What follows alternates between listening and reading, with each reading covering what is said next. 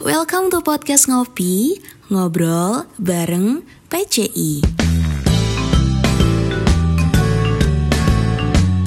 Halo semua, kenalin aku Sasa, podcast producer intern sekaligus podcaster kalian dari Project Child Indonesia. Oke, di episode podcast kali ini aku pengen banget nih ngobrolin tentang bullying. Menarik gak ya? Apa sih bullying itu? Kegiatan seperti apa yang bisa kita sebut sebagai bentuk dari bullying. Karena fenomena ini tuh sebenarnya deket banget sama kita. Saking deketnya nih, mungkin kita bingung mana aja sih yang termasuk bully, dampaknya gimana, dan apa aja yang bisa membuat seseorang tuh melakukan bullying. Penasaran gak? Yuk kita bahas. Kita bahas santai aja kali ya. Oke, kita mulai dari pernah nggak mendengar tentang kasus bullying? Gak usah muncul di berita deh, cukup yang pernah terjadi di lingkungan sekitar kita aja. Atau mungkin punya pengalaman bullying. Karena bullying ini tuh bisa terjadi di mana pun, pada siapa pun, baik disadari maupun tidak. Permasalahan sosial satu ini nih punya dampak yang sangat fatal jika terus-menerus diabaikan tanpa penanganan yang tepat loh. Karena mungkin khususnya untuk bully verbal ya, kayak kurang perhatian gitu karena tidak adanya bukti fisik yang bisa dilihat. Padahal dampak yang ditimbulkan tuh sama membahayakannya lo dengan beli fisik. Taruhlah contoh depresi, trauma, bahkan gangguan mental. Jadi kalau kayak gitu bullying itu apa sih? Kita mulai dari definisi secara bahasa Indonesia, yaitu tindak penindasan yang mengarah pada kekerasan verbal maupun fisik. Lalu untuk penyebabnya, uh, di mana seseorang atau sekelompok orang itu melakukan tindak bullying, menurut salah satu penelitian nih, kebanyakan tindak penindasan ini atau bullying ini tuh dilakukan bukan atas dasar masalah pribadi, tapi dibangun oleh sebuah lingkungan atau bisa kita sebut sebagai social learning yang mungkin memberikan pengaruh buruk kali ya. Dan di samping itu, ada satu faktor utama yang jadi penyebab bullying, yaitu penyalahgunaan relasi kuasa, di mana ada satu pihak yang mungkin punya power, entah kedudukan, kepopuleran, atau fisik yang lebih unggul atau lebih superior dari pihak yang lain, dan mereka ini tuh punya kecenderungan ke arah negatif dalam pemanfaatan kuasa atau uh, power yang mereka punya. Nah, kalau kayak gitu berarti siapa aja sih yang bisa kita sebut sebagai pelaku bullying? Yaitu mereka yang sadar memiliki kuasa atas pihak lain dan menyalahgunakan kuasa yang mereka punya untuk berlaku semena-mena. Pembuli-pembuli ini tuh biasanya punya perilaku yang cukup agresif dan mereka tuh cenderung melukai dan membahayakan pihak lain. Dan catatannya, mereka melakukan semuanya itu dengan sengaja Menurut Psikologi Today, terdapat beberapa sebab sih yang memungkinkan seorang anak menjadi pembuli. Seperti uh, kurangnya kasih sayang, penyelesaian konflik dengan kekerasan sejak dini dalam lingkungan keluarga, kekerasan dalam rumah tangga, dan juga yang paling penting satu ini nih, tindakan disipliner dari orang tua yang mungkin banyak menggunakan hukuman fisik dan sumpah serapah yang kemudian oleh anak ini tuh diserap sebagai suatu proses social learning dan mereka implementasikan atau mereka salurkan dalam bentuk negatif. Salah satunya bullying. Oke, karena kita udah bahas siapa sih yang bisa kita sebut sebagai pelaku bully, gak abdol rasanya kalau kita nggak bahas tentang korban bullying. Nah, untuk korban bullying ini, sebenarnya semua orang tanpa terkecuali punya potensi menjadi korban bullying potensi menjadi korban bullying agak negatif ya tapi ya emang semua orang gitu kayak inget gak sih rantai makanan dulu kita diajarin waktu sekolah korelasinya sama kita adalah akan selalu ada individu atau kelompok yang lebih superior daripada kita Pembuli pun sama, mereka bisa aja menjadi korban bullying. Tapi, nah, catatannya ini, biasanya individu dengan tingkat adaptasi yang buruk, kepercayaan diri yang rendah, mereka ini lebih rentan menjadi korban bullying. Kecuali mereka berada dalam satu circle pertemanan yang dapat menjadi tempat aman atau safe place bagi mereka. Oke, kita pindah ke dampak-dampak negatif yang mungkin timbul atau ditinggalkan untuk korban maupun pelaku. Oke, kita bahas untuk korban dulu kali ya.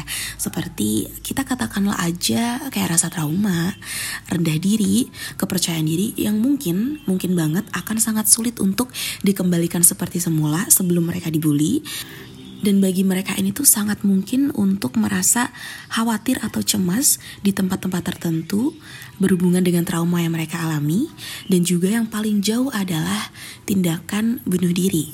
Karena ya mungkin rasa takut yang ditinggalkan atau bisa kita sebut trauma atau ya mungkin rasa takut yang ditinggalkan dan tidak mendapatkan penanganan yang tepat.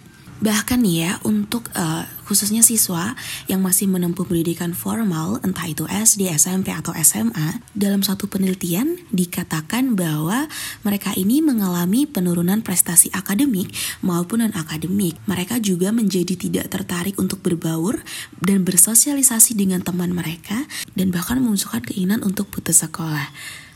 Wow, kalau misalkan kita obrolin tentang dampak negatif untuk korban, rasanya kita pengen kayak kenapa sih ada pembuli gitu kan? Tapi jangan salah, dampak-dampak negatif ini juga akan berlaku pada pelaku bully gitu. Pelaku bully biasanya akan menghadapi masalah yang mungkin menyulitkan mereka tuh dalam waktu yang lebih lama dari korban. Karena menjadi pelaku bullying akan menimbulkan sebuah social perception yang membuat citra mereka tuh sulit banget dikembalikan. Kayak sekali pembuli, ya udah pembuli aja gitu nggak akan mereka akan sangat sulit diterima di lingkungan ketika mereka berusaha untuk uh, berubah atau merubah kebiasaan bulinya atau keluar dari lingkaran setan itu mereka juga akan mengalami kegagalan dalam mengembangkan kemampuan sosial seperti menumbuhkan rasa empati, negosiasi, dan balas budi. Mereka juga akan sangat-sangat sulit berbaur dengan lingkungan dan karena penolakan dari lingkungan ini, kadang itu menjadi satu alasan mengapa pelaku bully atau pembuli ini tuh nggak mau menyudahi apa yang sudah mereka mulai. Karena kalau mereka menyudahi itu, mereka tahu mereka nggak akan punya temen atau mereka nggak akan punya tempat lagi dalam suatu lingkungan atau society. Nah, dengan semua informasi barusan nih, sebenarnya bagaimana sih untuk deal with bullying? Tindakan seperti apa jika kita ada dalam tiga posisi? Oke, tiga posisi itu apa aja sih? Yaitu orang yang memiliki kuasa lebih dan berpotensi menjadi pelaku bully.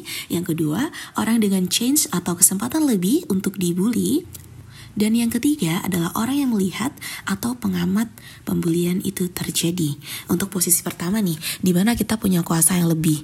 Nah, lingkungan tempat kita berada atau lingkup pertemanan kita tuh dapat menjadi hal yang membentengi dari perilaku negatif yang mungkin tanpa kita sadari muncul. Jadi untuk membentengi kita agar kita nggak menyalahgunakan kuasa yang kita punya adalah dengan memposisikan atau menempatkan kita pada lingkungan yang positif atau yang baik sehingga keinginan-keinginan negatif seperti melakukan bully ini tuh sama sekali nggak akan terbesit di pikiran kita. Uh, yang kedua, untuk posisi dengan chance lebih besar menjadi korban bullying, maybe menemukan tempat aman dan memiliki teman yang dapat menghindarkan kita menjadi korban bullying, dan juga belajar, belajar untuk lebih percaya diri dan menghindari konfrontasi verbal maupun fisik yang kita tahu nih, kita nggak bisa menangani itu. Jadi daripada kita akhirnya nanti tertindas, mending kita jauh-jauh atau menghindari hal tersebut. Dan untuk pihak ketiga yang tidak terlibat tapi punya informasi atau melihat tindak pembulian di depan kita, ada dua hal yang bisa kita lakukan. Yang pertama, kalau kita nggak punya power, kita bisa lapor pada orang dewasa atau pihak yang dapat dimintai pertolongan. Nah, kalau misalkan kita punya power atau kita ada di posisi lebih dewasa dari mereka gitu katakanlah lebih senior kita bisa mulai dengan memberikan pengertian pada pelaku bully bahwa apa yang mereka lakukan itu dapat merugikan banyak pihak. Tentunya dengan menggunakan bahasa sebaik mungkin agar tidak menimbulkan masalah baru seperti percekcokan dan untuk korban bully, mungkin kita bisa mulai dengan emotional support atau merangkul mereka dan menjadi tempat uh, di mana mereka bisa merasa lebih aman. Well, kayaknya kita udah berada di ujung ngobrol kali ini. Mungkin gak banyak yang bisa diambil dari apa yang udah kita obrolin ya. Tapi satu hal, bullying merupakan salah satu tindakan yang sangat jahat yang bisa dilakukan.